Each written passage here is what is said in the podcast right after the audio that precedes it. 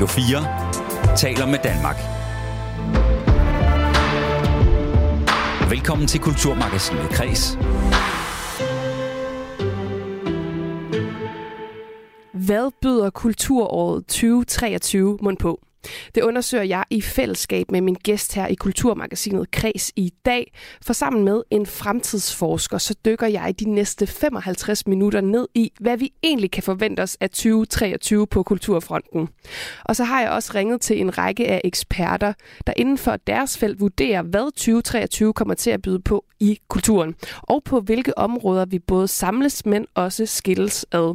Og min gæst var også med sidste år i den helt samme rolle for at se, hvordan kultur kulturåret 2022 blev. Så vi skal selvfølgelig også se tilbage på, om forudsigelserne holdt stik, og prøve at opsummere det år, vi lige er trådt ud af. Vi kan ikke nå det hele, men vi kan gøre et forsøg. Mit navn er Rikke Kulin. Velkommen til den første udgave af Kreds i 2023. Du lytter til Kulturmagasinet Kres på Radio 4. Og nu kan jeg byde velkommen til dig, Anne Skar Nielsen, som er fremtidsforskeren. Ja, ja det er mig. Det, det er, dig. Mig. Ja. og øh, udover at være det, så er du jo også forfatter, foredragsholder og partner i Universal Futurist. Ja. Og så er du jo med hele programmet i dag, hvor vi skal forsøge at tage, øh, blive klogere på det her år, som vi lige har øh, taget hul på, simpelthen. Ja, det Frisk. her shit show.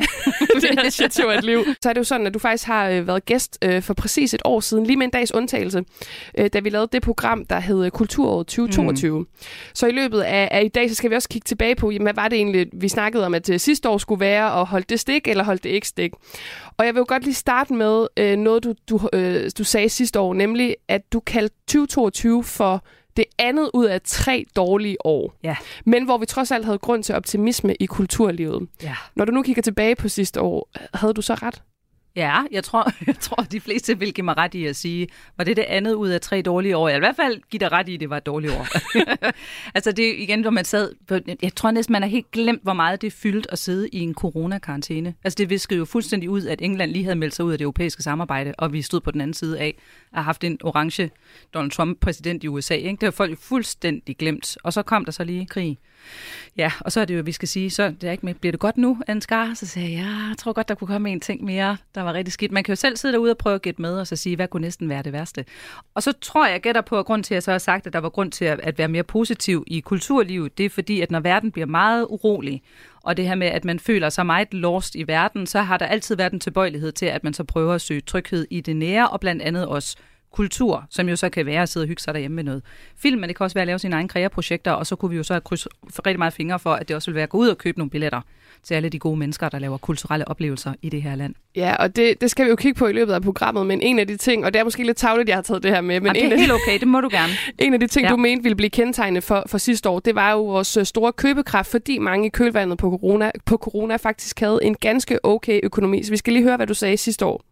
Altså hvis man spørger folk, og i øvrigt også i USA er der lavet store undersøgelser af, hvad folk drømmer om, hvordan de bor, så vil de rigtig gerne bo på den måde, hvor der er det der lokale liv, hvor man kender hinanden. Det var på vej frem før corona, og har fået et kæmpe boost her under corona, fordi vi jo netop ikke kan rejse over store afstande. Folk er jo ikke på den måde, flertallet i hvert fald ikke i økonomisk krise, fordi det her ikke er en økonomisk krise, det vil sige, at du har stadigvæk pengene, så kan du bruge dem på sommerhus eller på husforbedringer, eller du kan bruge dem i dit lokalsamfund det tror jeg, vi kommer til at se i 2022. Det tror jeg, at folk har egentlig det her spending power, som man vil sige på amerikansk, til at man faktisk gerne vil lægge nogle knaster for at få en, øh, en oplevelse. Ja, Anne Skar Nielsen, det var ikke fordi, jeg ville tage dig med bukserne ned, men da jeg skulle lytte til sidste års program, så synes jeg, det var så sjovt, at det her det var noget, du fremhævede. Kunne man have forudset øh, den inflation og økonomiske krise, der kom i kølvandet på en krig, man jo heller ikke vidste ville finde sted?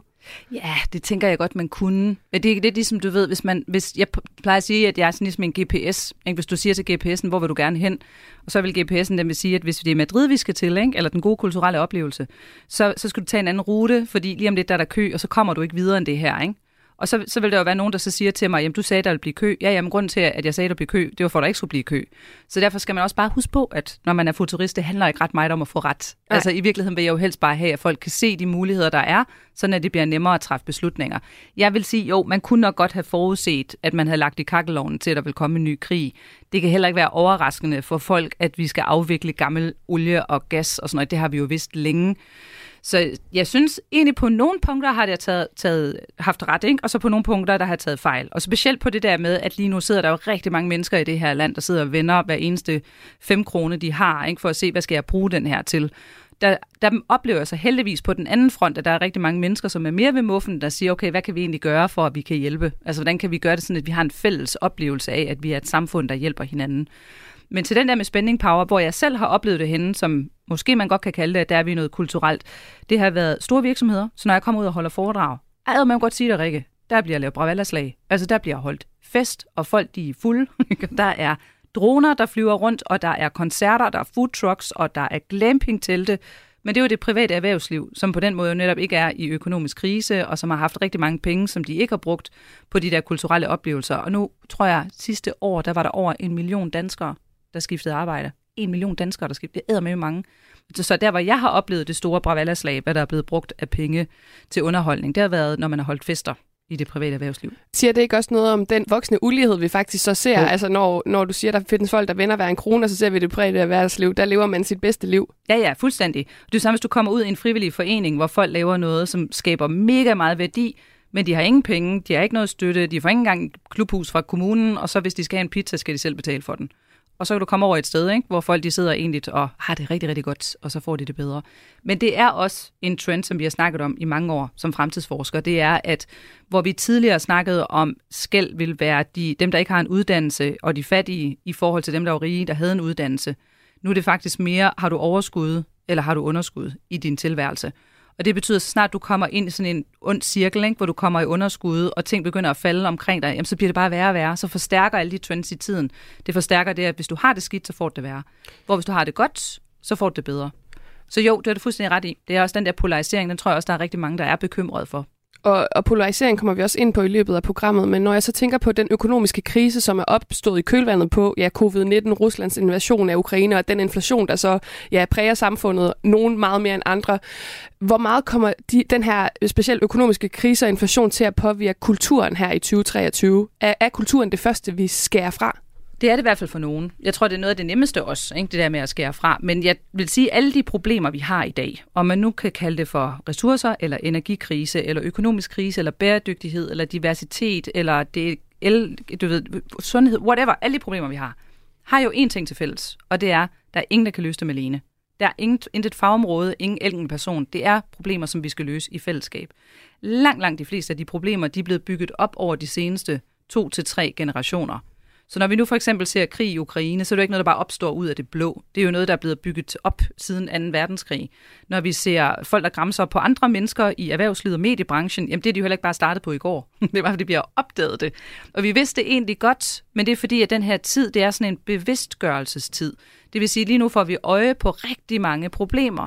Og så er der nogen, der vælger at blive det, man kalder for woke. Ikke? Der man vågner op, og så går man ud og demonstrerer, og man vil gerne gøre noget. Øh, Greta Thunberg for eksempel og så vil jeg sige, at min generation og dem, der er ældre, har en tilbøjelighed til, at man møder det mere med satire og kynisme.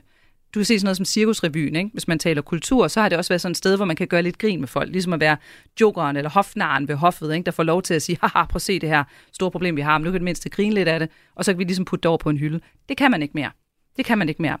Så den, det fede ved det, det er, at vi kan egentlig gå i gang med det i morgen. Nok ikke lige i dag, vel? Nu går man med har lidt tømmermænd. Men man kan egentlig gå i gang med med det samme. Det med sådan at orientere sig hen mod fremtiden, og så sige, hvis jeg står og kigger tilbage på, på de år, der er gået, jamen så er det jo et stort rygende krater. Verden er lav. Men jeg kan også vende mig om og så sige, hmm, måske verden er ved at blive lavet. Så det handler egentlig om, øh, hvem der, altså, og, øh, hvad skal man sige, i talesæt de her ting finder sted, og sige, dem vil jeg gerne ændre på. Det, du virker som om, ikke fordi der kun findes to positioner, men der er enten den der, jeg lukker øjnene, eller også jeg åbner dem. Har man ligesom et valg nu, sådan, vil jeg deltage i fremtiden, eller vil jeg blive i fortiden? Ja, jeg synes, at tryghed er et godt ord. Jeg tror, det er noget af det, som de fleste af jer søger. Ikke? Da man bliver lidt bange for verden, så kan tryghed være, som du siger, at jeg lukker øjnene, og så vil jeg gerne have noget komfort i sofaen. Ikke? Det her med, at så lader jeg, som om det ikke eksisterer. Og det, det har egentlig også holdt i en lang tid, fordi så var der nogle andre, der træffede de her beslutninger for os. Men når vi nu kan kigge på, at tryghed måske i virkeligheden er, at jeg har mange strømme af indtægter. Så hvis jeg nu arbejder for eksempel inden for det kulturelle, kunne man nu gøre det sådan, at man faktisk kunne tjene nogle flere penge, at de kom mange forskellige steder fra, og at man egentlig også ligesom slutter fred med at sige, at jeg bliver ikke noget dårligt menneske, bare fordi vi tjener mange penge. Det tror jeg, der er ret mange i kulturer, der har lidt negativ, du ved, sådan lidt wipes på, når der kommer penge ind, fordi at så synes man på den ene side, så bliver det sådan noget meget kommercielt, og vi vil jo gerne ligesom sikre kulturen. Men der tror jeg egentlig det med, at hvis, hvis vi kan begynde at se, at fremtiden også handler om, at du finansierer det, som du gerne vil. Altså du egentlig selv har en holdning til, hvordan kan jeg få det her til at fungere, og så man træffer nogle beslutninger ud fra det. Så er der virkelig mange sociale platforme, der hjælper med at understøtte til det. Det er det, man kalder for den her creator economy, hvor flere og flere mennesker de arbejder med en eller anden form for kultur ved siden af det, de laver. Og øh, vi skal jo kigge på øh, øh det her øh, år, vi lige har trådt ind i, sådan rent kulturelt. Hvad er du selv mest spændt på at følge med i udviklingen her øh, altså i, i 2023? Jeg synes, at øh, der har været rigtig meget sådan noget kunstig intelligens, hvor man kan mærke, at nu begynder det faktisk at virke. Er det her med, at sådan noget som Midjourney, og der er lige som er de her tegnealgoritmer, hvor øh, selv et fjold som mig kan gå ind og så skrive det, der hedder en prompt, når man er logget ind, og så kan du bede den her algoritme om at lave et billede af for eksempel øh, sygeplejersker, som øh, går på øh, holder pause gennem livet, i stedet for at gå på pension til sidst. Det skulle jeg bruge billeder af. Og så autogenererer den så fire billeder til mig på et minut. Men det er amazeballs. Det er fantastisk. Og jeg tror egentlig, at det vi oplever nu, det er, at teknologien, i stedet for at være sådan en slave, som vi ofte behandler den som, ikke? vi tror, at teknologien enten er en slave, eller også sådan Gud. Du ved, når bare vi får patientjournalen, eller Aula, uh, så bliver alting godt. Eller også bliver teknologien slave, som vi kaster gennem lokalet, hvis ikke den gør det, som vi gerne vil. Nu begynder vi at kunne se, at teknologi bliver noget, der understøtter det, vi gerne vil have. Øh, for eksempel har man jo også fået øh, hologramkoncerter, hvor for eksempel Elvis står og synger ved siden af Celine Dion. Der er cirkusser, der har afskaffet her dyr i managerne, i stedet for så har de hologramelefanter. Vi har virtual reality, ikke? hvor du faktisk kan forlænge din kulturelle oplevelse og skabe et helt andet form for fællesskab omkring det, du laver, ved hjælp af at bruge teknologien. Og det vil sige, det man så egentlig skal, er lidt ligesom igen med GPS'en. Ikke? Det er jo os som mennesker, der programmerer en GPS i forhold til, hvor den skal køre hen. Men så hviler vi også i, at den teknologi skal nok hjælpe mig med at komme derhen. Og det tror jeg egentlig, sådan, vi kommer til at se mere og mere af. Det her med, at vi finder ud af, at teknologi faktisk ikke er vores fjende. Det er måske i virkeligheden vores vores børn, som vi skal opdrage, for ellers så er det sgu ligesom at vokse op i dysfunktionelle familier. Nu talte du jo tidligere om sådan den her økonomiske ulighed og forskellen på det private erhvervsliv og så øh, måske andre steder i samfundet, men er det, det samme, den samme udvikling, vi kommer til at se i forhold til teknologien? For det handler vel også om, hvem der har adgang til teknologien og hvem der bruger den på hvilke måder? Helt sikkert. Altså, man sige, det kommer altid ned til uddannelse, ikke? uddannelse og dannelse. Og jeg ser sådan en form for måske en større grad af sådan noget rebelskhed. Altså lige i øjeblikket, der er folk jo stressede, og de er angste, og de er kede af det. Og det tror jeg igen er fordi, at vi mangler de her fællesskaber omkring at have en drøm. Så snart du åbner for tv eller radio eller læser avisen, det er jo også bare død og nød og ødelæggelse omkring os hele tiden. Og det tror jeg ikke, man kan holde ud at være i. Altså lige nu er det jo sunde, raske mennesker, der går ned med stress. Det er jo ikke folk, der i forvejen har, har haft et eller andet, der var lidt svært.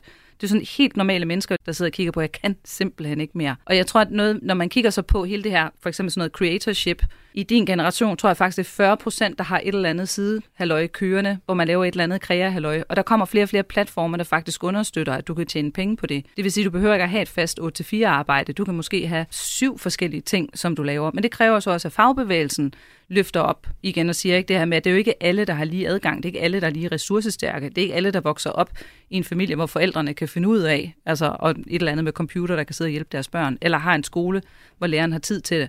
Men der tror jeg, der er rigtig mange kræfter i det her samfund, som nu finder ud af, at okay, igen, vi kan stå og kigge tilbage på det store rygende krater, og sige, hvordan holder vi fast? Det er ligesom sådan, sådan Anders Sand, hvor hele dæmningen er ved at falde sammen, ikke? og han står der med sine andefødder og fingre og prøver på at holde det sammen og siger, okay, fuck it.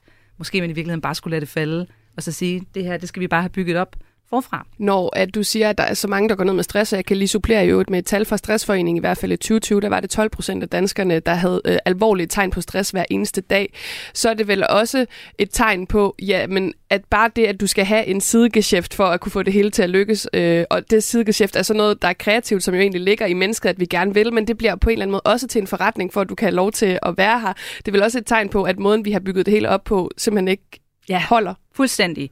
Ja, og det er også det med, at når man så står og kigger det, fordi igen er den her bevidsthedsgørelse, der er i dag, ikke? hvor vi finder ud af, gud, vi har godt nok mange problemer. Der har også været en sag ikke, med en øh, miljøkvinde, øh, som øh, skal skamme sig, fordi hun har taget flyvemaskinen. Sådan det, ja, men du kan jo ikke både på det samme tidspunkt blive bevidst om, at vi har problemer, og så vide, hvad det er, du skal gøre. For, altså, du har jo stadigvæk den infrastruktur, som du er bundet op af. På samme måde som bæredygtighed er jo kæmpestort nu. Ikke? Altså, jeg kan ikke komme noget sted, hvor folk ikke snakker bæredygtighed. Men så bliver de så skamfulde over, at de har et produktionsapparat, som kommer fra hele det der katastrofekapitalisme fra 2. verdenskrig, ikke? hvor man fandt ud af, at vi kunne faktisk lave fred ved at producere. Altså vi kunne lave fred i verden, vi kunne give folk godt liv, hvis de fik en arbejdsplads. Og så står de og kigger på og siger, men er det nu forkert? Så nej, nej, det er bare fordi, Det, skulle, det spil skulle vi ligesom spille for at komme hertil, hvor vi er i dag.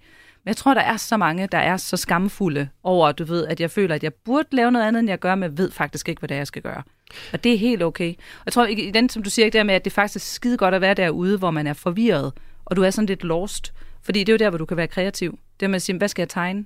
Ja, det skal du jo finde ud af. Mm. Men det tror jeg også bare, at folk er så bange for, fordi vi er jo netop vant til, at vi hele tiden skal lave noget, der skal bruges til noget, eller noget, der kan sælges for, at det skal være rigtigt.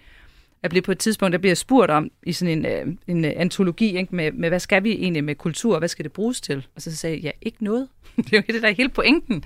Det er, at det skal fra starten jo af ikke kunne bruges til noget. Fra starten af skal det jo være en drøm, du har om et eller andet, der kunne være fedt, som du kan mærke ind i dig, du rent faktisk godt gad at bruge din tid på.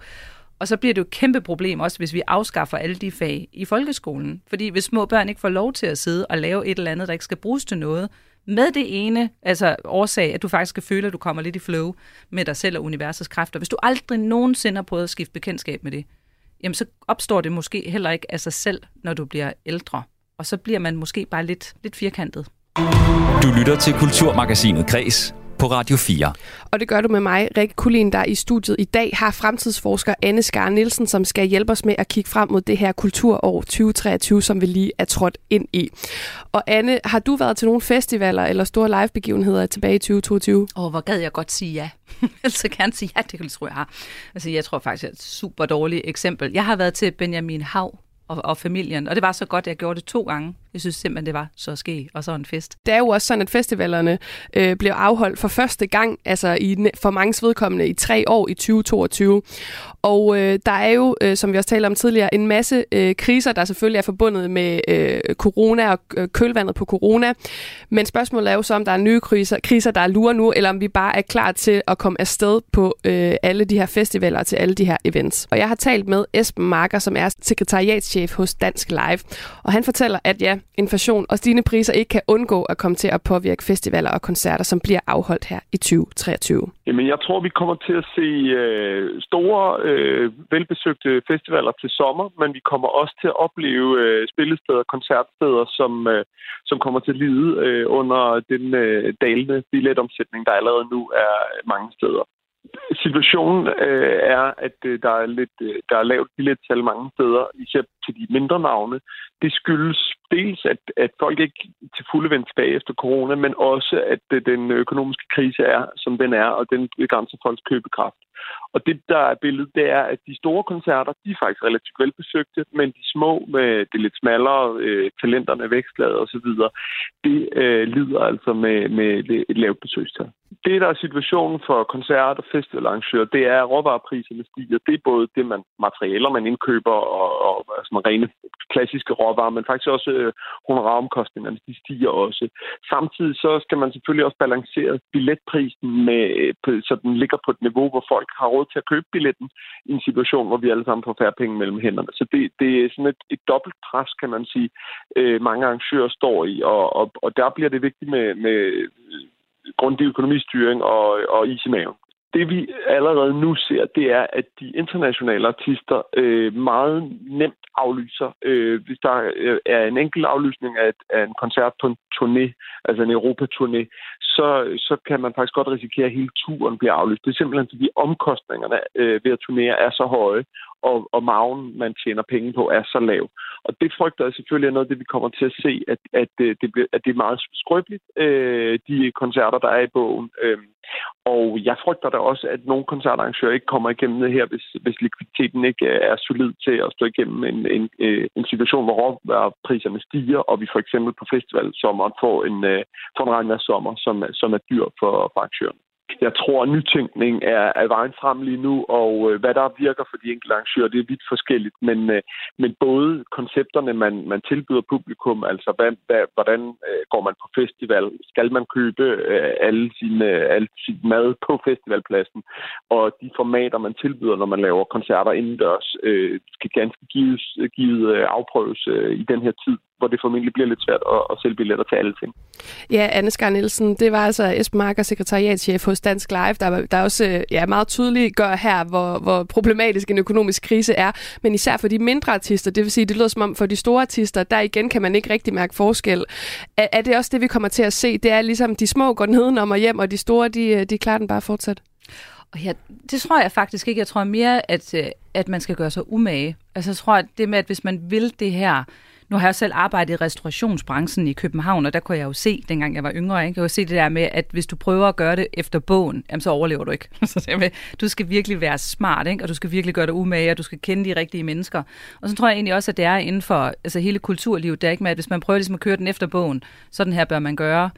Tror, man er nødt til at være lidt frisk. Nødt til at være sådan lidt, som også de siger, det er ikke med, at måske skulle man så lave billetten øh, billigere, og så lave dyrere drikkevarer. Ikke? Og så med at sige, hvis man har også kigget på øh, ældre mennesker, hvis ikke de selv har råd til at købe mad til sig selv, jamen så opgraderer de helt vildt på deres hundemad. Altså kunne du lave en festival, hvor det faktisk var okay at have dine kæledyr med, og hvor der var kæledyrskoncert, og så var det det, man kom på i stedet for. Øh, ligesom så vil man jeg komme ned, bare for at se kæledyrene. Bare for at komme til kæledyrene, ikke? øh, hvis det, når man går sådan på en strandpromenade, ikke? og folk de går og kigger, når man er på ferie, ikke? så kigger man på menukortet, og så kigger folk tit efter, hvad koster tingene på menukortet. Men de kigger kun på, hvad maden koster. De kigger ikke ret meget på, hvad drikkevarerne koster. Det er faktisk der, hvor du har den allerstørste avance. Folk vil jo i dag rigtig gerne købe øh, non-alkoholik, ikke? Det er også den nye trend. Altså skulle man lave sådan en form for festival, hvor det også var et af temaerne, det var, at her kommer alle os, ikke? som faktisk bare vil gerne drikke de fede drinks, men der er ikke noget alkohol. Øh, og så hvis man kigger til to eksempler, som jeg synes, man kunne kigge på i kulturbranchen. Det ene det er den, der hedder Pinterest Predicts. Pinterest det er jo sådan en slags opslagstavler, hvor folk over hele verden kan pinde ting, som de synes er spændende og interessante. Og fordi de har gjort det nu i så mange år, så kan de jo nu faktisk begynde at forudse, hvad er det for nogle ting, som folk de efterspørger i 2023. Og det er blandt andet rave parties, måske lidt født ud af, at det er den type af fester, som ukrainske unge holder nu. Det er rave parties, fordi det kan de lave i fabrikshaller. Så går du simpelthen og laver sådan noget overlevelsesfest. Fuld speed på, ikke? fordi det er det, du har allermest brug for. Og det er jo igen, man kunne sige, okay, måske skulle man køre det lidt i sådan noget rave halløj, ikke? hvor det er lidt hit and run-agtigt, folk kan få lov til at unleashe deres indre dæmoner. Ikke? og så behøver det ikke koste mange, så gengæld kan vi lave mere ud af det. Det andet, som er på Pinterest-bordet der, som jeg synes det er sjovt, det er YOLO. Det er, øh, at man gerne vil holde fede fester, når man bliver ældre, fordi du er blevet gammel nu, du er måske 70-80 år, kunne egentlig godt tænke mig at holde en kæmpe bryllupsfest, eller det, der nu hedder en fun funeral, altså ikke en funeral, men en fun funeral. Det vil sige, at du laver din egen begravelsesfest, før du dør. Fordi du kan selv være med til at tage billetten. Og skal jeg bare tage den sidste med, det hedder øh, Walmart Creator. Walmart, det er jo sådan en kæmpe indkøbshalløj i USA. Ikke? Bilka vil måske være vores pangdang til det, eller dansk supermarked. Og de har nu lavet sådan en creator-platform. Så alle dem der, som er Instagrammer for eksempel, ikke? der sidder og øh, fortæller makeup eller tøj eller koncerter, de kan så bruge den her Walmart Creator til at sælge Walmarts produkter, men pakket ind i deres eget univers. Og det har man faktisk også set med, med popstjerner, netop de her mindre musikere, at man egentlig får lavet sådan en form for, kan man kalde det for en salon, altså sådan en online salon, hvor du kan mødes med de her mennesker, og så snakker vi sammen. Så hele shoppingdelen er egentlig sekundær i forhold til, at det er sjovt at være sammen. Så måske man også fra den der kultur, netop koncertdelen, skal tænke på, at det her nye publikum, der kommer ind, er faktisk nogen, der rigtig gerne vil bidrage. Så hele det der salon-univers, som vi også kender fra, fra forrige århundrede, ikke? hvor man inviterede kunstnerne ind i sin stue, så man kunne høre den unge H.C. Andersen læse sine digte op. Det tror jeg, vi kommer til at se mere af. Ja, og der kan man jo også sige, at det handler jo igen også mere om samvær, end om at bruge penge på et eller andet, ja. om at penge, penge, penge. Ikke? Men Esben Marker her, han påpeger også, at der er brug for nytænkning hos arrangørerne, som du netop er inde på her. Jamen, den almindelige koncertgænger skal jo glæde sig til, at der kommer øh, øh, bands og artister på ud og spille øh, koncerter, som øh, for det internationale vedkommende jo ikke har været længe. Det ser allerede ud, nu ud til at blive en rigtig god festivalsommer, hvis man er til de store internationale bands. Og så tror jeg også, man skal glæde sig til, at der begynder at ske nogle nye ting på, på, øh, på de indendørs scener, hvor, hvor arrangørerne øh, benytter lejligheden til at ligesom udfordre de formater, der er, og, og prøve at afprøve nogle nye ting, fordi at, øh, at, det, at kriser ligesom fordrer, at man, øh, at man udvikler produktet. Jeg tror, vi kommer til at se mere musik, der måske ikke foregår inde i spillestedet, hvor man måske tager koncerterne udenfor øh, det vante, de vante rammer. Jeg tror også, man kommer til at, at lave øh, engagere sig mere i det, der sker på scenen, at man kan sætte, sætte artister eller musikere sammen øh, i, øh, i nye konstellationer, eller udfordre øh, eksisterende øh, artister, eller etablerede artister til at afprøve deres, øh, deres liveset på, på nye måder. Jeg tror i hvert fald, at, at der er et, et behov for, at publikum øh, gerne vil have noget nyt, øh, noget de ikke har oplevet før. Og, øh, og det er jo så op til spillestederne og, og, øh, og sørge for, at, øh, at det bliver, bliver udbudt. Anne Skar Nielsen, jeg ved, du går meget op i, at vi skal turde tænke nyt, og det er jo også det, Esben Marker her, sekretariatschef hos Dansk Live, er inde på. Men jeg kan ikke lade være med at tænke, er det, er det kun kriser, der tvinger os til at gøre noget nyt? Eller kan et malet menneske, hvor alt er, er godt omkring sig, også godt tænke ud af boksen? Og det er sådan et godt spørgsmål, ikke? Fordi at det, det er faktisk mange, der tror, ikke? Det her med, at skal man altid have det der kæmpe lås i røven, ikke? Og få en kraftdiagnose eller en krise eller et eller andet, før vi ændrer os. Jeg siger, nej, vi skal egentlig bare vende os til at tænke som turister. Fordi selv det mest kedelige konforme menneske skal på ferie nu begynder at tænke stort. Og hvis vi egentlig bruger det mindset, altså det hedder jo også en futurist, når man er fremtidsforsker, og vi plejer at sige, at en futurist, det er bare en turist med fod i. Så hvis du møder op i din tilværelse, ligesom hvis du kiggede på det her, ikke, og så siger, okay, 2023 skal være lige så fed som den fedeste ferie. Hvordan tænker vi, når vi går på ferie? Så har vi det der åbne mindset, hvor hvis der sker et eller andet, så siger vi bare, Nå, det der, jeg holdt det op, så skete det her. Vi kan altid gå i panik senere. og så prøver vi egentlig altid at få det bedste ud af det. Selv hvis vi to er kørt til Athen, og vi har nu fundet ud af, at Athen er lukket om mandagen. Ikke? Og så prøver vi jo egentlig bare at få det bedste ud af det. Og hvis vi gjorde det med alt andet, altså når vi kigger ind i vores uddannelse, i kulturlivet, i øh, måden, vi skal bygge nye fællesskaber op på, ikke? altså i stedet for, at vi kommer med al vores egen emotionelle bagage, der skal med i bussen, hvis den måske skulle egentlig bare lade stå, og så møde op som mig, og så prøve at kigge på, det her, det kan vi sgu godt finde ud af. Vi skal også kaste et blik på teaterbranchen, fordi ifølge en undersøgelse fra december måned 2022, foretaget af branche, brancheorganisationen Dansk Teater, så sælger 60 procent af landets teater færre billetter end før corona. Så er vi også tilbage ved dalende billetsalg igen. Og det ser altså ud til, at det bliver endnu et hårdt år for særligt teaterbranchen, der ellers har været tvunget en del i knæ i kølvandet på corona. Men Lene Grønborg Poulsen, som er journalist her på Kreds og også teateranmelder hos Kristelig Dagblad og medlem af Rømert Jurien, hun ser alligevel to to store tendenser i dansk teater i 2023. Hvis vi ser på det, der kommer til at præge teaterscenerne i 2023, så er der jo øh, selvfølgelig nogle strømninger, som er store i samfundet sådan helt generelt, som øh, vi derfor også ser dukke op i teatret. Og øh, hvis jeg skal pege på sådan to store tendenser, som, som jeg ser som vigtige, øh, så er det for det første et fokus på at genfortolke eller genopdage kvindernes historie. Det er noget, man ser øh, rigtig mange steder, men også i, i teatret, så det er ligesom den ene. Og det andet, det er sådan et mere internt fokus, vil jeg kalde på sådan den her grønne omstilling. Hvis jeg bare lige øh, skal zoome lidt ind på den her første tendens, altså sådan det her med at genopdage de store kvinder øh, i historien, så er det en tendens, vi sådan allerede har mærket det første dag, men altså som kommer til at brage ud af det. Vi har set det for eksempel med den forestilling, der hed Leonora Christina, Sandhedens dronning på Aarhus Teater. Øh, den spillede her i december, og som satte fokus på findeskikkelse i historien, og ligesom refortolkede den, og vi har også set det med øh, Teatergrad, som har lavet en forestilling, der hed Asta, der fortalte den her historie om den danske filmskuespiller Asta Nielsen, som egentlig var verdenskendt som stumfilmskuespiller.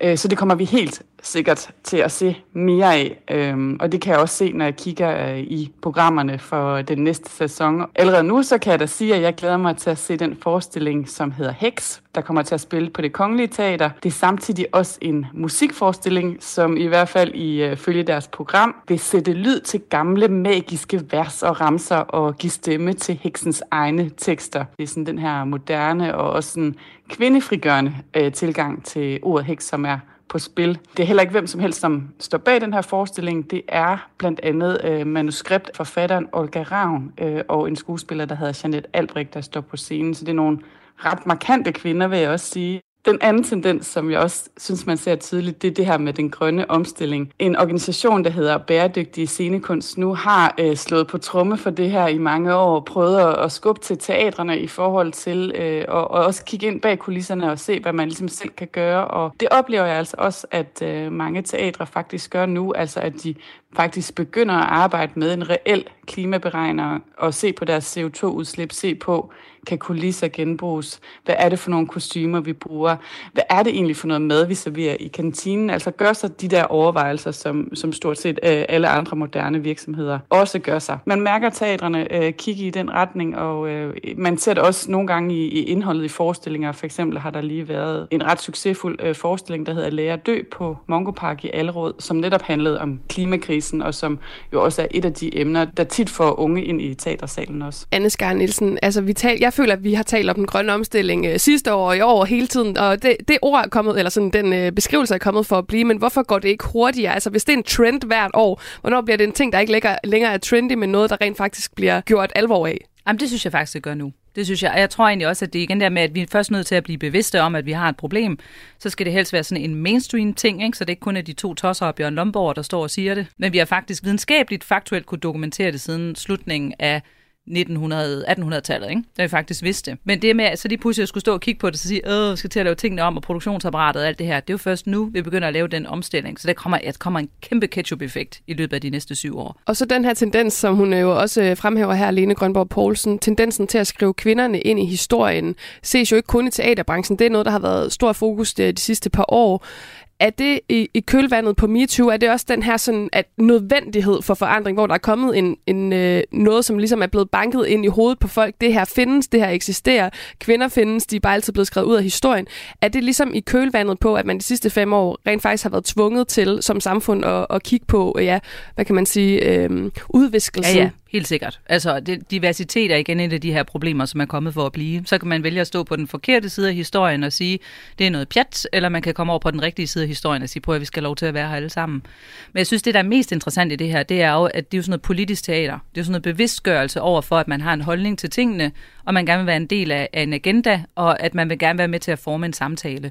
Så sidder jeg og tænker, kan vide, om vi egentlig skulle lave en opfordring til vores nye regering, og så sige, at man burde kunne gå til, til teater, ligesom man går til sport. Det vil sige, at vi skal have mere kulturel oplevelse, der kun tager 20 minutter til en halv time, men så skal det være noget, du går til, ligesom du går til vinterbadning.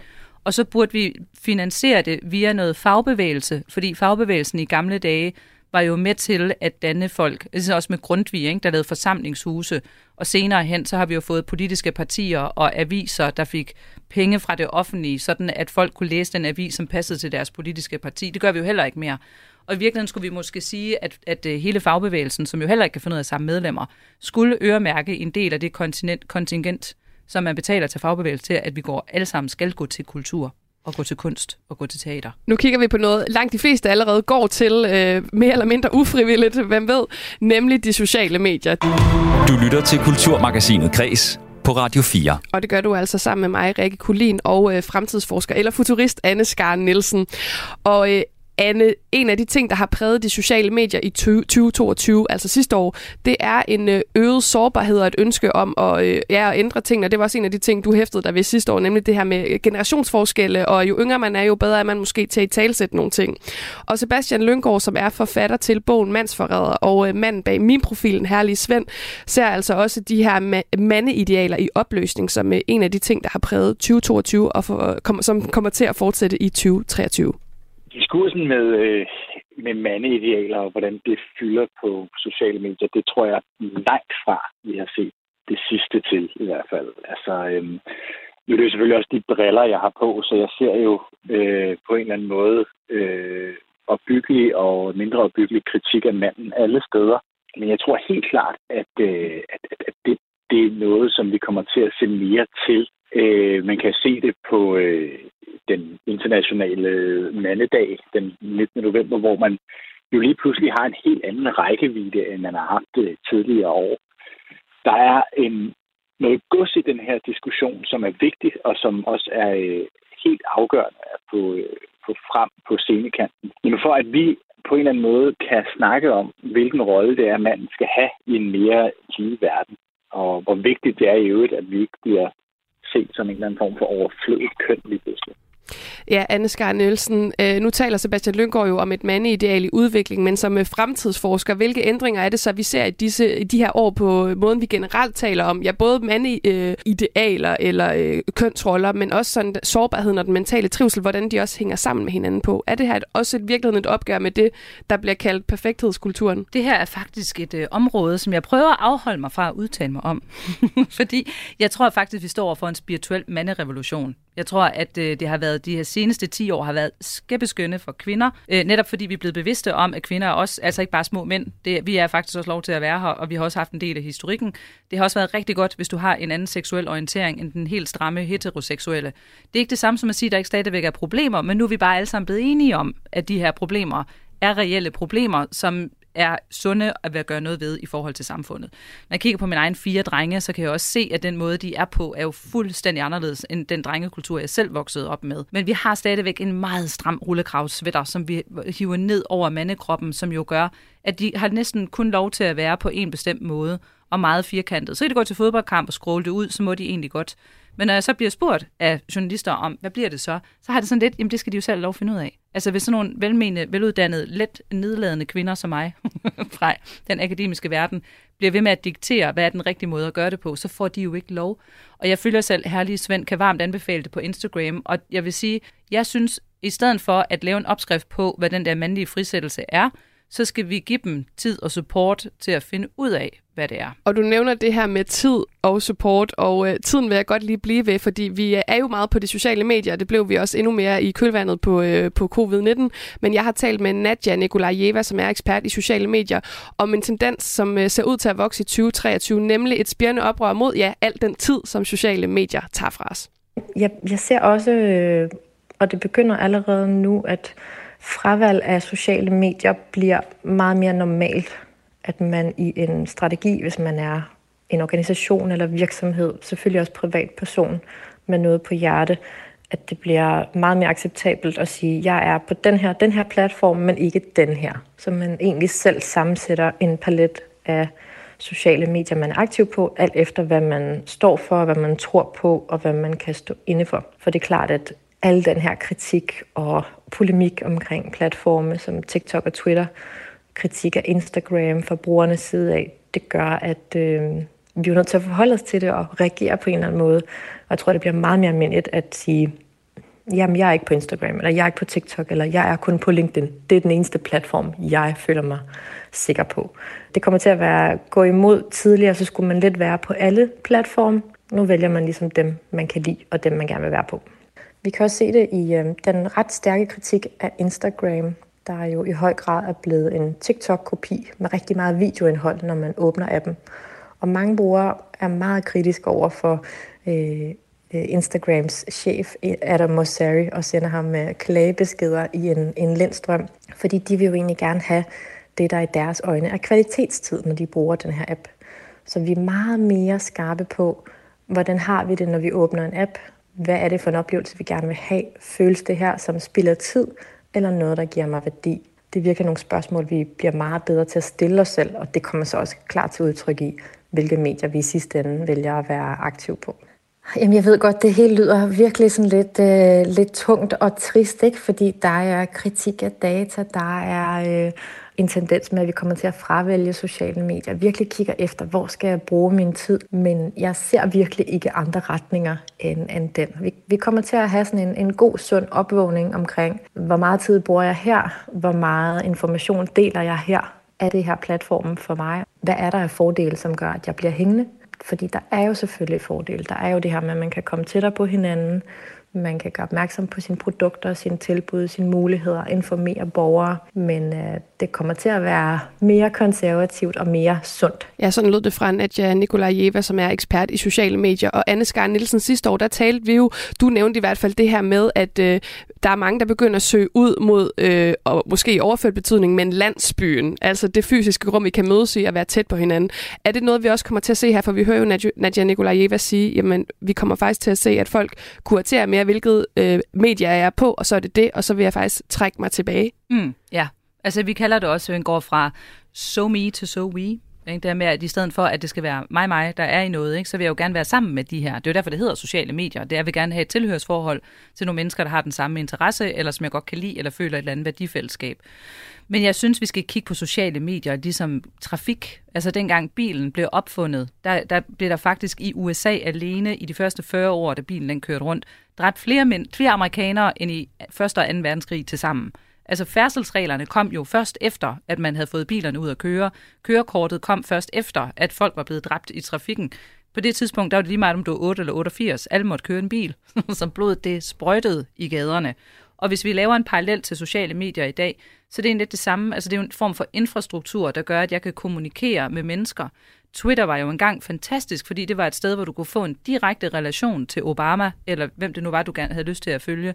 Problemet i det, det bliver, at der sidder nogle onde, perfide mennesker, som har hjerneforskere ansat til at finde ud af, hvordan 14-årige børn bliver mest afhængige. Altså, hvor langt skal et videoklip være? Hvad skal det indeholde, for at de ikke kan finde ud af at stoppe igen? Og så får vi som mennesker simpelthen så dårlig samvittighed over, at vi nu igen har brugt 14 timer på det. Men det er jo fordi, der sidder utrolig stærke kræfter på den anden side, som ikke vil andet end at tage vores tid og vores penge. Nu nævner du jo selv Twitter her. Det kan vi heller ikke komme udenom, fordi en af de ting, der gør sig gældende i kulturåret 2022, det var jo også de her store kontraster. Altså fra de her samtaler om øh, skiftende mandeidealer og sårbarhed og omsorgsfulde samtaler til øh, ja, hvad skal man sige, slutningen af 2022, hvor Elon Musks køb af Twitter blev en katalysator for kaos og også frygt for et reelt sammenbrud af en platform.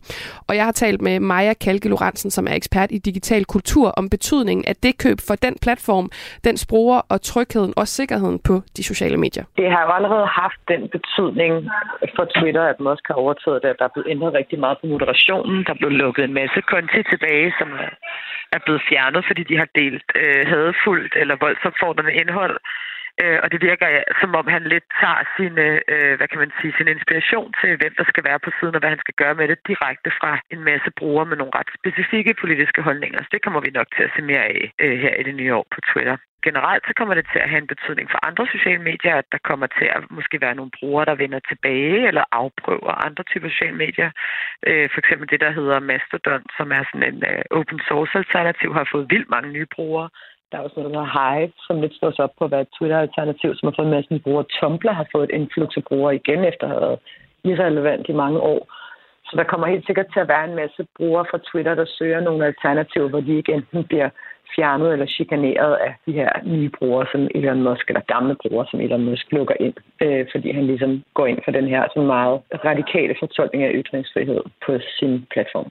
Mm, det viser jo, at det aldrig har været intentionen med de her sociale medier at være demokratiske platforme. Det er ikke det, de er lavet til. De private virksomheder, som primært handler om at indsamle data og lave penge. Og brugerne har så gjort dem til demokratiske øh, samtaleplatform i meget høj grad. Men det her, det viser jo med al tydelighed, at det er ikke det, de er lavet til. Øh, og de kan overtages og ændres fuldstændig fra den ene dag til den anden af milliardærer. Vi så det jo også med Facebook, som viste sig at, at manipulere med vores humør og have nogle øh, utilsigtede indflydelser på øh, hvad hedder det, demokratiske valg. Noget, som først kom frem, fordi det blev lækket af en, af en whistleblower. Store sociale medieplatforme for store tech-virksomheder er ikke demokratisk infrastruktur. Så det åbner måske for en samtale om, jamen skulle vi så til at lave det, noget der i højere grad var ejet og drevet af, af brugerne, og hvordan kunne det se ud? Og hvordan øh, sikrer man det så mod statslig censur, for eksempel? Jeg håber, at det bliver et år, hvor vi har nogle solide samtaler om, hvordan vi kan lave alternativer, som ikke kan overtages og ændres og censureres og kontrolleres af enkelte personer, fordi de har mange penge. Det synes jeg, vi har brug for. Øh, Twitter er et, et enormt vigtigt redskab for menneskerettighedsaktivister, for journalister, for marginaliserede grupper. Det er et sted, hvor rigtig mange får nyheder, også uden for USA, øh, og organiserer sig. Det er et sted, hvor folk kan komme politisk til ord, som aldrig har kunnet det før. Så det er jo et kæmpe tab, hvis det lige pludselig begynder at, at sådan bryde sammen på en eller anden måde. Og det viser også bare vigtigheden af, at vi har nogle platforme til den her type samtaler, som er mere stabile og mere rettet mod at, at give brugerne det her talerør snarere end at tjene penge til en ejerkreds.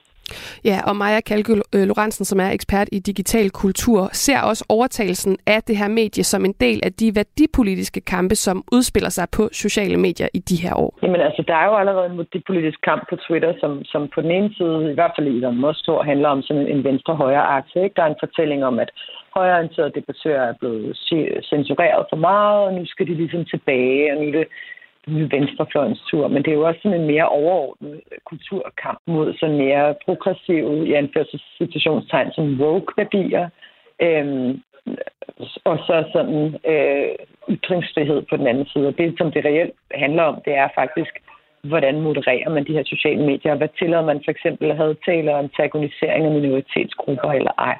Tillader man misinformation øh, eller ej?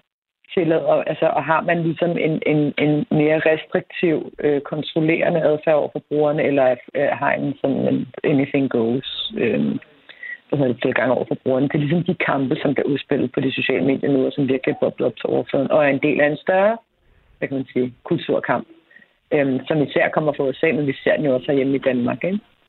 Ja, Anne Skar Nielsen. Igen, det er jo nogle øh, store øh, ord, men også som, øh, som Maja Kalk peger på her, nogle store værdipolitiske kampe, der bliver udspillet sig. Er det i virkeligheden det ting, du startede med at snakke om i programmet, som bare har, øh, altså som foregår på internettet mm. også, det her med, enten så er du villig til at ændre ting i verden, eller også er du meget villig til at holde fast i, hvordan det hele altid har været? Det tænker jeg. Og så vil jeg sige, at det digitale forstærker bare det, der er i forvejen. Altså det digitale er jo vores, det er jo vores barn. Det er jo en superkraft. Det er ligesom igen det med at være ny i trafikken. Ikke? lige pludselig får du sådan et redskab. I gamle dage var det en bil, så kunne du køre ind i andre mennesker. Og i dag det er en mobiltelefon eller computeren, og så kan du være på et socialt medie. Og så er der nogen, der siger, at nu vil jeg så kun køre i Rødovre-området. Ikke? Altså jeg vil kun være på Instagram, eller jeg vil kun være på TikTok. Men det er jo ikke det, som det egentlig handler om. Det, det handler om, det er, kan jeg finde ud af at føre en ordentligt oplysende, demokratisk dannet, kulturel samtale med andre mennesker. Og det kan du ikke svare på, hvis ikke du ved, hvem er jeg? Ikke? Og hvis man siger, hvem er jeg? Jamen, jeg er et totalt blankt stykke papir, jeg er bare super nysgerrig. Så vil du gå ud i verden, og så vil du søge og få at vide alle mulige ting. Men hvis du kommer som sådan en tribal-trold fra fortiden, der bare er bange for alt, jamen, så er det jo også det, du spreder via det digitale. Så, så faktisk, så bliver igen det med, når ting bliver forstærket, vi tror, der er den her meget kraftige polarisering. Og så det er også det, vi ser på nettet, fordi du ser jo ikke alle de søde, gode, rare mennesker, af dem, som faktisk måske er 98 procent, fordi det sociale medier hele tiden trækker det frem, og det er også det, som de almindelige medier, de synes er det mest sjove at bringe, det er, hvor er der nogen, der bløder, if it bleeds, it leasing, og hvis man skal er doven journalist, så vil man jo også altid sige, her er en, der mener det ene, og her er der en, der mener det andet. Værsgo og slås, og tak fordi I kom. Det er bare ikke det, vi har brug for mere. Vi har egentlig brug for, altså jeg kan ikke lade være med at sidde og tænke på, det vi har mest brug for i 2023, det er indre fred. Fordi jeg tror, uden at skulle lyde alt for meget som Dalai Lama, ikke? Hvis, vi vil, hvis vi vil have fred i verden, og det vil jo sige ikke også at have den der tryghed og tillid til, at vi faktisk godt kan løse vores problemer sammen. Vi kan godt hjælpe hinanden. Vi kan godt lufte vores usikkerhed og vores tvivl, og vi må gerne drømme om, hvad det er, vi gerne vil, og så have tillid til, at nogen gerne vil hjælpe os. Hvis vi gerne vil have det, så er vi jo nødt til at have indre fred. Og så synes jeg, at vi skal slutte af med dagens sidste tematik, fordi vi bliver faktisk ved den her tematik om øh, kampe og splittelse, det der både øh, skiller os ad, men også det, der samler os og forhåbentlig kan give noget fred. Du lytter til Kulturmagasinet Kres på Radio 4. Og det gør du sammen med mig, Rikke Kulin og fremtidsforsker Anne Skar Nielsen, som er min gæst i dag. Anne, du er jo lidt inde på det her, de her splittelser, der, øh, der findes mellem os. Altså hvis vi kigger på det øh, politisk, øh, og det er nogle måske, måske ikke opstillede øh, splittelser. Det kunne være mellem by og land, ung og gammel, venstre og højrefløj, overklasse og underklasse. Der er ligesom mange akser, der definerer os, samler os og skiller os ad. Hvad betyder alle de her akser for vores samtalekultur? At vi skal slappe lidt af. altså, at man som udgangspunkt egentlig skal prøve at være lidt blank, når man møder andre mennesker. Altså at sige, nu skal jeg sidde og snakke med Rikke, jeg ved faktisk overhovedet ikke noget som helst om, hvad der foregår inde i dig. Jeg kan gætte på det, men jeg ved det faktisk ikke. Og så igen gå lidt i turistmode, ikke? Være nysgerrig på, hvad det er, det andet menneske siger. Være interesseret i også selv at ændre din holdning. Og hvis der kommer noget fakta, som du synes er mega irriterende, så skal man kigge på det og så sige, hmm, kan vide, om det er egentlig, fordi det er rigtigt. Jamen, jeg synes, det er lidt interessant, fordi at vi skal høre Nadja Nikolajeva, som vi også hørt tidligere, ekspert i sociale medier, om at samle sig og skille sig på netop de sociale medier til at starte med. Jamen, jeg er ærligt talt bekymret for sociale medier i forhold til, om de kommer til at samle os eller skille os ad i 2023. Fordi vi, vi er ikke særlig gode til at styre de her samtaler. Vi er ikke særlig gode til at være transparente omkring, hvilke debatregler har vi, hvornår går vi ind og sletter hinandens kommentarer eller anmelder dem. Vi, vi er ikke særlig gode til at snakke sammen på de her platforme. Så jeg tror desværre, at vi, som mange undersøgelser, for eksempel fra Institut for Menneskerettigheder, viser, at vi kommer til at se en stigning i folk, der holder sig tilbage fra at deltage i digitale samtaler, holder sig tilbage fra at dele deres personlige oplevelser. Det er enormt trist, men jeg vil virkelig være overrasket, hvis ikke det skulle fortsætte med at gå i den retning, at, at flere og flere afholder sig fra at deltage, desværre. Altså hvis du spørger mig, så har medier en, et helt enormt ansvar, når de deler indhold på sociale medier, og der opstår samtaler omkring det her indhold, så skal medier jo, hvis du spørger mig, og det er min holdning, gå ind og moderere og, og være meget synlige og til stede, så der kan foregå en, en tryg og sikker snak. Vi ser jo desværre, at flere og flere medier giver op på det her. Øhm, det er ofte et spørgsmål om ressourcer og også omkring, at øh, der findes ikke så meget faglighed i det her at moderere. Det er ikke rigtig en disciplin, der er særlig meget respekt omkring øh, i mediebranchen. Og vi har jo desværre her i det forløbende år set, at øh, DR har lukket for deres kommentarspor på deres Facebook-nyhedsside. øh, og nu har Jyllandsposten også meldt, at øh, de gør det samme. Så det er en kedelig tendens på en eller anden måde, men jeg håber stadig, at der kommer til at opstå kommentarfelter på mediernes egne hjemmesider, hvor brugere kan kommentere. Det, det tror jeg virkelig, det, det må der kunne overleve i en eller anden grad. Det håber jeg i hvert fald. Så lød det altså fra Nadja Nikolajeva, ekspert i sociale medier. Anne Skar Nielsen, er samtalekulturen blevet ødelagt af sociale medier, og hvis vi ligesom skal finde fælles fodslag i en fælles fremtid, hvordan kan vi så komme ud over det her med, at folk de sidder og skændes i kommentarspor om noget, de måske ikke engang har læst, øh, andet end en, en overskrift, der er til for at splitte dem ad? Og jeg er faktisk enig i den her pointe med, at kommentarsporet faktisk er der, hvor den demokratiske debat foregår. Og hvis man er noget som helst ved musikken, for eksempel Danmarks Radio eller Jylland, Jyllandsposten, så burde man faktisk se det som sin pligt, at det er der, hvor det foregår. Hvis jeg selv lægger et eller andet op på LinkedIn, så bliver jeg der jo. Altså jeg betragter jo den, den samtale, jeg har på de sociale medier, som præcis den samme samtale, som du og jeg har her. Det vil sige, hvis du spørger, spørger mig om noget, så svarer jeg på det. Hvis vi bliver uvenner, ikke? Jamen, så vil jeg være interesseret i at finde ud af, hvad det egentlig problemet er her. Jeg vil ikke bare gå. Men det er så nemt at gøre på de sociale medier, så hvis de voksne skrider, jamen så er der jo kun altså bolletroller, undermålere og Twitter, og hvad ved jeg tilbage. Så vi har virkelig en forpligtelse til som voksne mennesker at blive der på samme måde, som hvis vi går over en parkeringsplads, og der er to børn, der mobber et andet tredje barn, så håber jeg, at de fleste voksne vil gå hen og sige, undskyld, hvad foregår der lige her? Og så på en venlig, bestemt og kærlig måde, som voksne mennesker jo gør, bidrage til, hvad er det for et fællesskab, vi skal have i den her verden? Hvordan skal vi møde hinanden? Hvis ikke man har oplevet det, hvis ikke du er nogen, der inspirerer dig til at gøre det, jamen, hvor skulle du så? Det opstår jo ikke bare spontant. Og øh, man kan sige, et af de sociale medier, men noget, der sådan har samlet os øh, kulturelt i mange år før det, det har jo faktisk været øh, Flow TV og de programmer, vi har set i fjernsynet sammen. Men meldingen om, at Disney Show øh, stopper her i 2023 efter 31 år på DR. Nu stopper det. Det var jo også ja. til stor debat, og det er jo, selvom man har sagt i mange år, at Flow TV er en døende race, så var det alligevel et slag for rigtig mange. Og vi talte om her på Kreds i efteråret, øh, helt bestemt den 10. Øh, november, om Flow TV stadig er noget, der kan forbinde os. Så det gjorde vi sammen med medieanalytiker øh, Kjeld Reinicke. For der findes fortsat tv-fællesskaber, der til en vis grad kan samle os danskere, i hvert fald dem, der stadig ser Flow TV. Dem, der er tilbage og ser rigtig meget tv, de kan godt lide, at det er noget, de kender. Så det, man kan se, det er, at før i tiden, da, da der ikke var streaming, så havde sådan nogle øh, TV, tv-shows, øh, så, så lavede man et nyt tv-show, og så kom man op øh, øh med, nogle, med, med nogle store øh, seertal. Men det er bare så kompliceret nu, at vi ser, at, at sådan nogle shows, de har du ved, 20 og 30 års øh, levetid, hvor vi, hvor vi før i tiden måske kun, kun så 10 øh, år. Robinson er et godt eksempel på det også, ikke? Øh, som reality show, der stadig er der. Øh, den store bagdys kommer til at være der i rigtig, rigtig lang tid. Øh, og det er fordi, at når vi begynder at, at se konkurrencen, så er der bare så meget mere at vælge mellem for os danskere. Øh, og vi ser, at yngre danskere under 45, de vælger streaming til mere, end de vælger klassiske tv-shows til.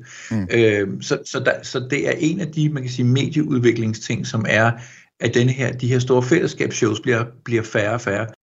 Ja, så lød det altså fra øh, uh, Kjell Reinicke, øh, medieanalytiker, der talte med min kollega øh, Mathias Wissing tilbage den 10. november. Og Anne Skar Nielsen, jeg synes, det er interessant det her, fordi Flow TV på en eller anden måde symboliserede jo i mange år, det, det kunne i hvert fald samle os alle sammen. Men jeg sidder og tænker, skal vi overhovedet samle os? Er verden netop ikke blevet så stor og fragmenteret, at det faktisk nærmest er umuligt? Jeg vil jo godt vende den rundt og så sige, at jeg tror faktisk, at vi er samlet. Altså når jeg også jeg kigger på den her unge generation, vi har nu, så er der jo mange, der siger, at de er simpelthen så usolidariske. Det siger fagbevægelsen, ikke? De vil ikke være med i fagbevægelsen, det er simpelthen så usolidariske. Og siger nej, det er fordi, de gider ikke det, som I tilbyder dem. Altså de unge mennesker i dag er den mest solidariske generation, der nogensinde har levet på den her planet. Men de er bare ikke solidariske med dine gamle idéer fra fortiden. De har ikke den referenceramme. Øh, og når de kigger ud af vinduet, så kan de jo se, at der er utrolig mange problemer. Dem vil jeg gerne være med til at løse. Giv mig et eller andet redskab, noget at rykke i, et eller andet, der giver mening. Det vil sige, det er sådan nogle aktivister, det, hvor, hvor i min generation, der er vi mere statister. Altså jeg vil godt sidde og kigge på et eller andet og grine af det, eller se debatten, og så slutte det af med at sige, og tak fordi du kom. Og så har jeg læst tre aviser, så føler jeg, at jeg har gjort min borgerpligt. Der sidder de unge og kigger, du er bare, altså, du, nu, nu er du bare blevet bekræftet, noget du godt vidste i forvejen. så giv mig et eller andet at gøre, giv mig et eller andet at rykke i. Så jeg vil egentlig hellere vende den rundt og så sige, vi har samhørighed, vi har fællesskab, men vi tror, at vi ikke har den, fordi vi kommer ligesom med den her ting, som jeg gerne vil have ud i verden. Og måske vi skal sige farvel for at kunne sige goddag. Ikke? Måske skal vi igennem sådan en fase, hvor vi, ligesom når vi bliver født, så er vi jo 100% afhængige af andre menneskers kærlighed. Så kommer der en fase, hvor vi bliver teenager, hvor vi skal være træls, ikke? og der, hvor man ligesom skal sige uafhængighed. Ikke? Først er jeg afhængig, så er der uafhængighed. Og så har man sådan lidt en lost fase, hvor man så lige skal kaste tingene op i luften og se, ej, hvor jeg savner Disney Sjov, ikke? Eller, ej, hvor jeg savner at have det der lokalsamfund, eller den der oplevelse. Og så hedder det jo så gensidighed. Og jeg tror, det er egentlig det, der vinker foran os ude i fremtiden, det er, at vi vil kunne kigge tilbage, og så vil vi se, at vi var meget afhængige, og derfor også følte os meget utrygge, ikke? eller følte, at tingene blev meget styret rundt for os. Der var ligesom nogen, der designede, hvordan verden skulle se ud. Men så har vi været igennem den her fucked up lortefase, som vi sidder i lige nu, og så finder vi ud af, hmm, Måske kan vi godt. Måske kan vi vælge hinanden til, fordi vi har lyst til det. Anne Skar Nielsen, fremtidsforsker, forfatter, foredragsholder og partner i Universal Futurist. Det blev det sidste ord for i dag. Og øh, der er jo meget at se frem til. Vi må se, om forudsigelserne holder stik her for 2023, der vil forhåbentlig mødes igen om præcis et år. Men tusind tak, fordi du var med her i Kreds i dag, og godt Altid nytår. gerne. Godt nytår.